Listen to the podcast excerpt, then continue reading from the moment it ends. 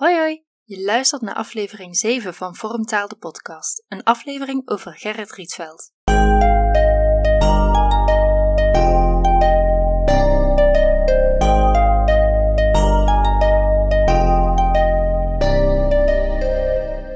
Wie was Gerrit Rietveld? Gerrit Thomas Rietveld werd op 24 juni 1888 in Utrecht geboren, als kind van Johannes Cornelis Rietveld en Elisabeth van der Horst. Rietveld leerde het vak van meubelmaker in de werkplaats van zijn vader aan de Poortstraat 98 te Utrecht, waar hij na de lagere school aan de slag ging. Hij vond de meubelen die daar werden gemaakt, vooral eigenlijk die traditionele massieve meubelen, echt verschrikkelijk en had hier ook een afkeer tegen. Tussen 1904 en 1908 volgde hij s'avonds lessen bij de architect Piet Klaarhamer bij het Kunstindustrieel Onderwijs der Verenigingen van het Utrechts Museum van Kunstnijverheid te Utrecht. Hele mond vol. um, hij kreeg daar technisch tekenen, stijl- en ornamentleer van de directeur um, en dat was de architect P.J. Houtzagers. In 1917 opende hij zijn eigen meubelmakerij aan de Adriane van Ostadelaan nummer 25 wat iets later veranderd werd naar nummer 93. Hierbij experimenteerde hij in 1918 uh, eh, met het maken van meubels, waaronder de voorloper van de wereldberoemde rood-blauwe stoel. Op 28 september 1911 trouwde Rietveld. Het echtpaar kreeg zes kinderen, waaronder vier zoons en twee dochters. Deze kinderen hebben ook allemaal een creatieve achtergrond, want één daarvan was een kunstschildenares, Beppe Rietveld, je had een architect, Jan Rietveld. Je had een meubelontwerper, Gerrit Rietveld junior. en ook nog de ontwerper Wim Rietveld. Een zeer creatief gezin, zoals je dus hoort. Tussen Rietveld en zijn vrouw trad geleidelijk een verwijdering op, zoals ze het toen omschreven. Dit kwam door zijn uittreden van de geformeerde kerk. In 1924 ontmoette Rietveld Truus Schreuder-Schrader, als ik dat eens goed uitspreek, een binnenhuisarchitecte en weduwe van een advocaat. Truus had hem de opdracht gegeven om een huis voor haar gezin te bouwen. Niet veel later ontwikkelde hun samen ook een levenslange intieme relatie en samenwerking op het gebied van architectuur en woninginrichting. Rietveld. Uh, zijn eigen architectenbureau was van 1924 tot 1933 ook in dat huis bevestigd. Het huis dat ook nu wel het Rietveld Schreuderhuis genoemd wordt. Dit gebouw omschrijf ik nog iets later in de podcast. Eerst maak ik nog even de tijdlijn af.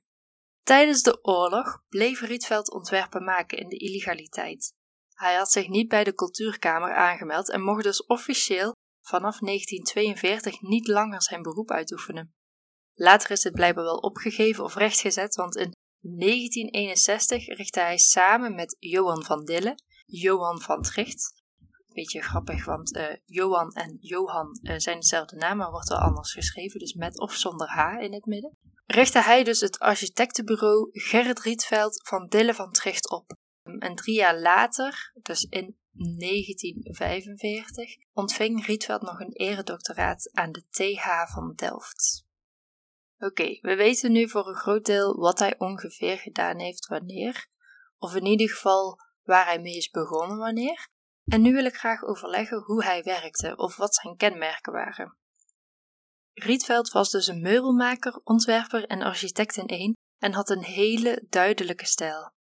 Deze stijl is natuurlijk wel gevormd door heel zijn loopbaan carrière heen uh, en is onderweg ook beïnvloed door bijvoorbeeld moderne ontwerpers zoals Berlage en Frank Lloyd Wright, um, waar hij kennis mee had gemaakt. Niet de personen zelf waarschijnlijk, maar met hun werk. En door een bepaald uh, ontwerp of door zijn eigen werk is hij ook in contact gekomen met Theo van Doesburg, die het tijdschrift voor de moderne kunst De Stijl had opgericht. Dit contact werd gelegd door de zijn eerst geëxperimenteerde stoel, die hij eigenlijk alleen voor zichzelf had gemaakt.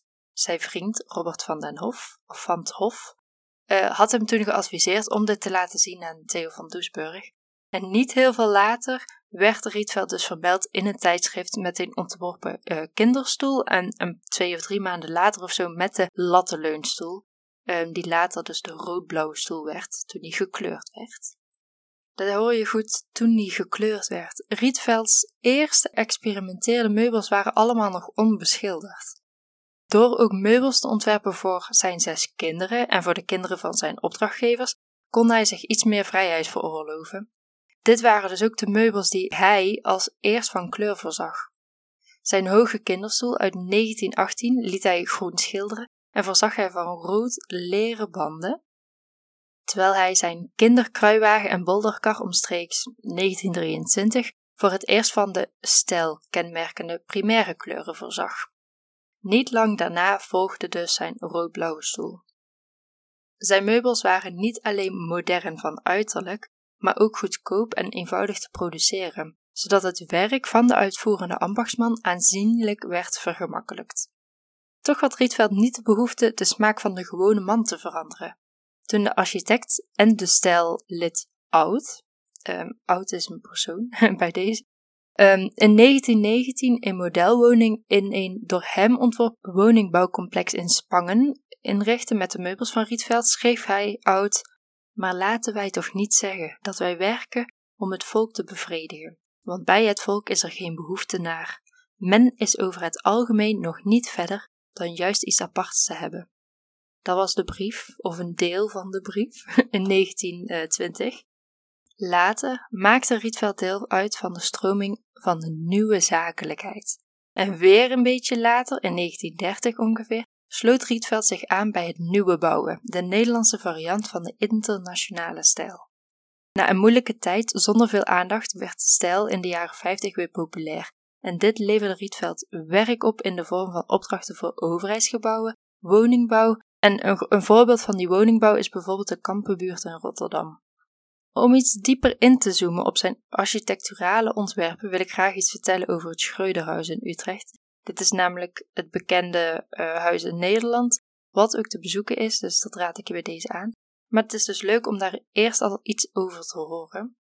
Het Rietveld Schreuderhuis uh, ontwierp Rietveld in 1924 en dit dan in samenwerking natuurlijk met de enige permanente bewoner van het huis, de binnenhuisarchitecte Truus Schreuderschade.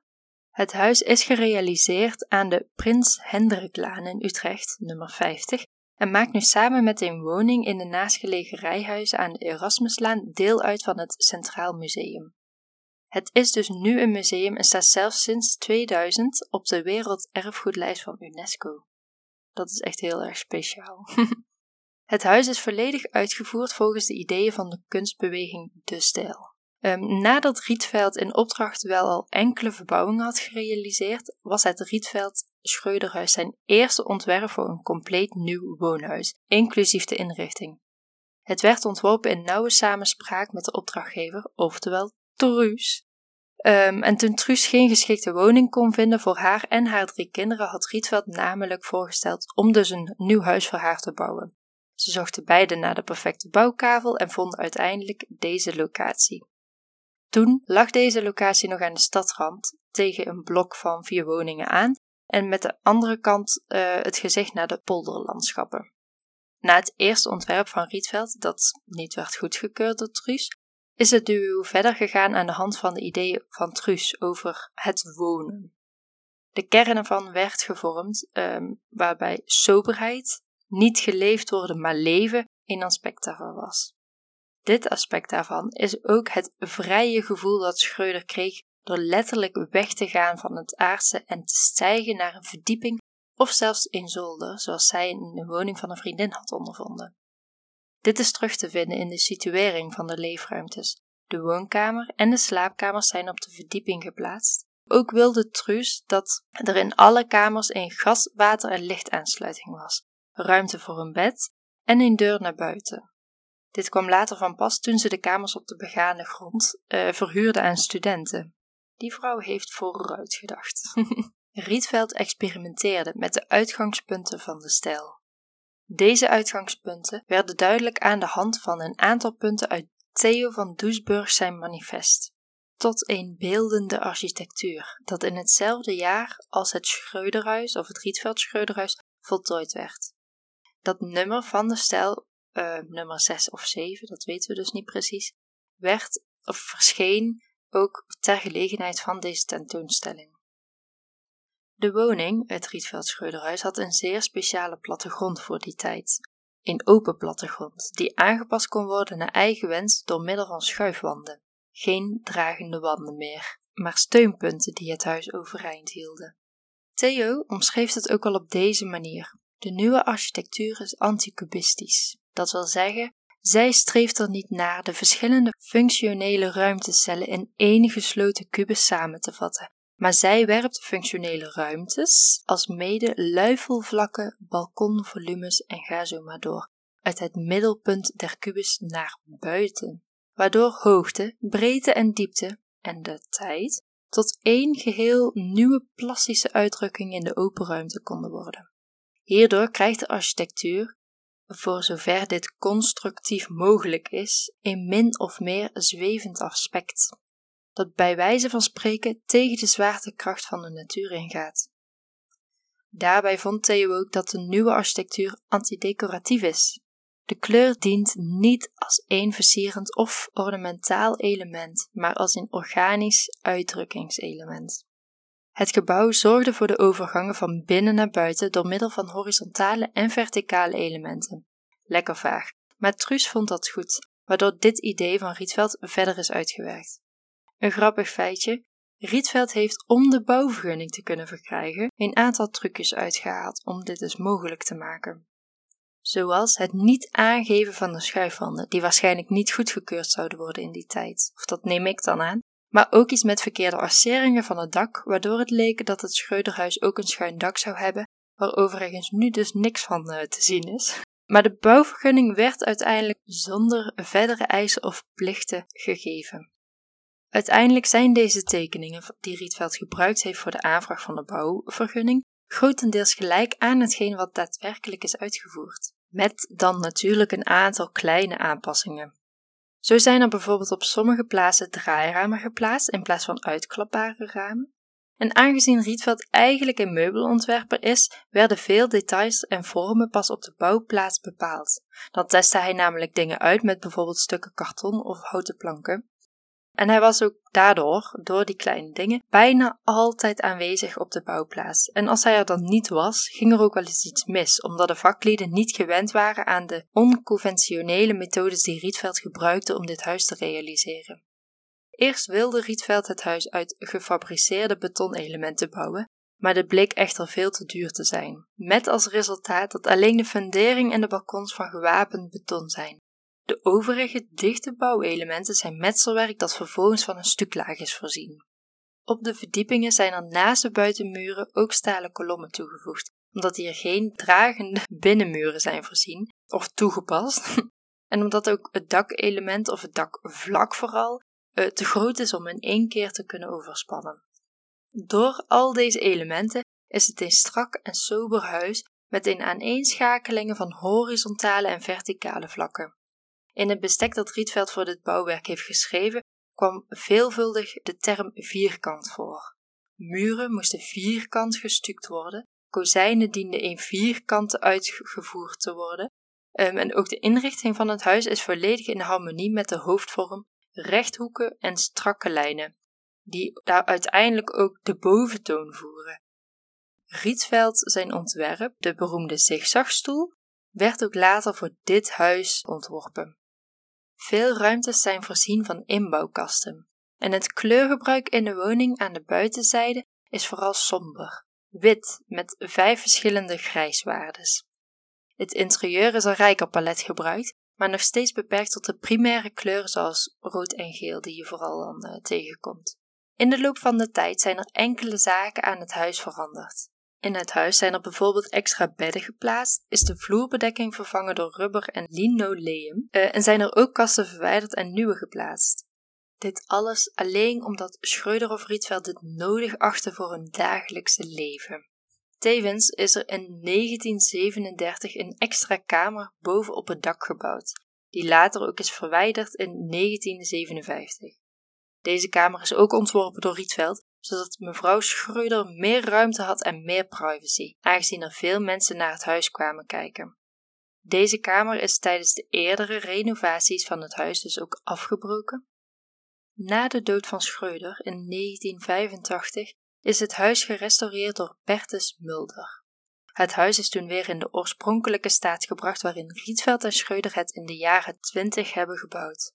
Rondom het huis zijn de wijzigingen dramatischer van aard. Eerst was er dus een wijs uitzicht hè, over die polderlandschappen, wat ook wel een van de belangrijkste redenen was om de locatie te kiezen. Maar in de huidige situatie loopt vlakbij het huis een vierbaanse autoweg, de Waterlinieweg, met een viaduct over de Prins Hendriklaan. Door deze aanpassingen kwam het huis eigenlijk in een soort kuil te liggen, vond Rietveld, en vond hij dat zijn ruimtelijke betekenis veranderd was en verloren was eigenlijk, dat het huis daardoor eigenlijk maar afgebroken moest worden, want het klopte niet meer. Nou, gelukkig hebben ze dat niet gedaan en is het huis dus nu een museum geworden wat bezocht kan worden met een gids. Um, ook zeker iets wat dus op mijn lijstje nog staat. Nou, naast zijn bekende architectuur heeft hij dus ook vooral meubelen gemaakt. En daar wil ik je nu uh, wat meer over vertellen. Ik zal eerst een lijstje opnoemen en daarna inzoomen op twee van die uh, stoelen. Um, hij heeft de, ro de rood-blauw stoel gemaakt in 1918. Uh, deze is dan wel later pas geschilderd, maar dat model is toen al ontworpen. Um, de kinderstoel uit 1918, de armstoel uit 1919, de kinderkruiwagen uit 1923, de militaire stoel uit 1923, de Berlijnse stoel uit 1923, de zigzagstoel uit 1932, de kratstoel uit 1934, we zijn er bijna op de helft, uh, de Utrechtse stoel uit 1935, de lage stoel, die ook wel de Deense stoel genoemd wordt en is gemaakt in de periode van 1946 tot ongeveer 1952, um, de Mondialstoel uit 1957, de Press Room Chair uit 1958, die overigens toen niet is uitgevoerd, maar vooral is ontworpen. En deze is uiteindelijk wel in productie genomen in 2014 door het bedrijf Spectrum, maar dan wel in een iets aangepastere uitvoering. En als laatste, de Steltmanstoel uit 1963. De meeste meubelen zijn allemaal van hout gemaakt, vooral de eerste zoveel uit het lijstje. Um, maar dan wel of juist niet gekleurd, uh, dat ligt een beetje aan de tijdsperiode. En rond 1946 begon hij ook met het buigen van hout en het gebruik van ijzer. Om dus twee stoelen verder uit te leggen, wil ik graag inzoomen op de rood-blauwe stoel. Het is een houten stoel die makkelijk te produceren was. Rietveld heeft daarbij gehoopt op een machinale productie, waardoor het bereikbaar zou zijn voor een groter publiek. Maar het was wel nog steeds dezelfde uh, kwaliteit, of dat het dus nog steeds dezelfde kwaliteit zou hebben. Het eerste prototype is gemaakt uit puur hout en is dus niet beschilderd. Latere versies werden wel beschilderd in dus die primaire kleuren en de kleur zwart. Nou, de stoel is nu het icoon van de stijl, die kunstbeweging. Ook al ontwierp Rietveld de stoel toen hij nog geen lid was van deze kunstbeweging. Blijkbaar heeft hij ook bij deze stoel een speciale knoop gebruikt, namelijk de Cartesiaanse knoop. Ik ben benieuwd, dit, dit moet ik nog even opzoeken. Misschien ga je dit vinden bij de afbeeldingen op Instagram. Ehm, en als laatste wil ik nog even inzoomen op de zigzagstoel. Het is namelijk een opmerkelijke architectonische stoel en een architectonisch concept. De stoel heeft een hoge zitting, zonder armleuningen, en is opgebouwd uit aan elkaar gelijmde massieve houten platen van 18 mm dikte. De houtverbindingen zijn bij al Rietveld meubels zeer bijzonder. De stoel uh, beschikt over verschillende soorten verbindingen. De rug met de zitting is bijvoorbeeld gemaakt met een zwaluwstaartverbinding. De verbinding met de zitting, poot en de poot tot de vloerplaat is gemaakt van in verstek gezaagd hout uh, en verstevigd door elk acht bouten met een hoeklat. De stoel heeft een zithoogte van 46 centimeter en Rietveld had hiervoor wel al andere constructies onderzocht. Eerst maakte hij bijvoorbeeld een stalen frame, waarna daarna nog een beetje hout bijkwam en later is hout het enige materiaal geworden wat deze stoel dus eigenlijk uh, ja, laat zien en waar het ook uit gemaakt is. Op dit moment wordt de stoel nog steeds vervaardigd door het bedrijf Cassina, dat is een Italiaans bedrijf. En dat bedrijf is bekend om zijn productie van oude en nieuwe designmeubelen. Ze hebben daarbij ook de rechten van veel Rietveld ontwerpen.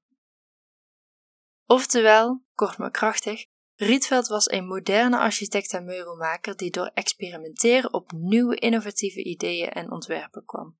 Wat eigenlijk ook niet raar is, aangezien hij de bekende pionier is van het nieuwe bouwen. Naast al die meubelen en bijvoorbeeld ook het Schreuderhuis laat hij nog meer achter. Er zijn namelijk vele boeken over hem geschreven en ook veel scholen naar hem vernoemd. Een echte Nederlandse klassieker die je moet kennen als Nederlandstalige student of ontwerper. Check zeker de Instagram voor de foto's die horen bij deze podcast om zo een goed beeld te vormen. Dit was aflevering 7 van Vormtaal, de podcast over Gerrit Rietveld. Bedankt voor het luisteren en tot snel. Bye!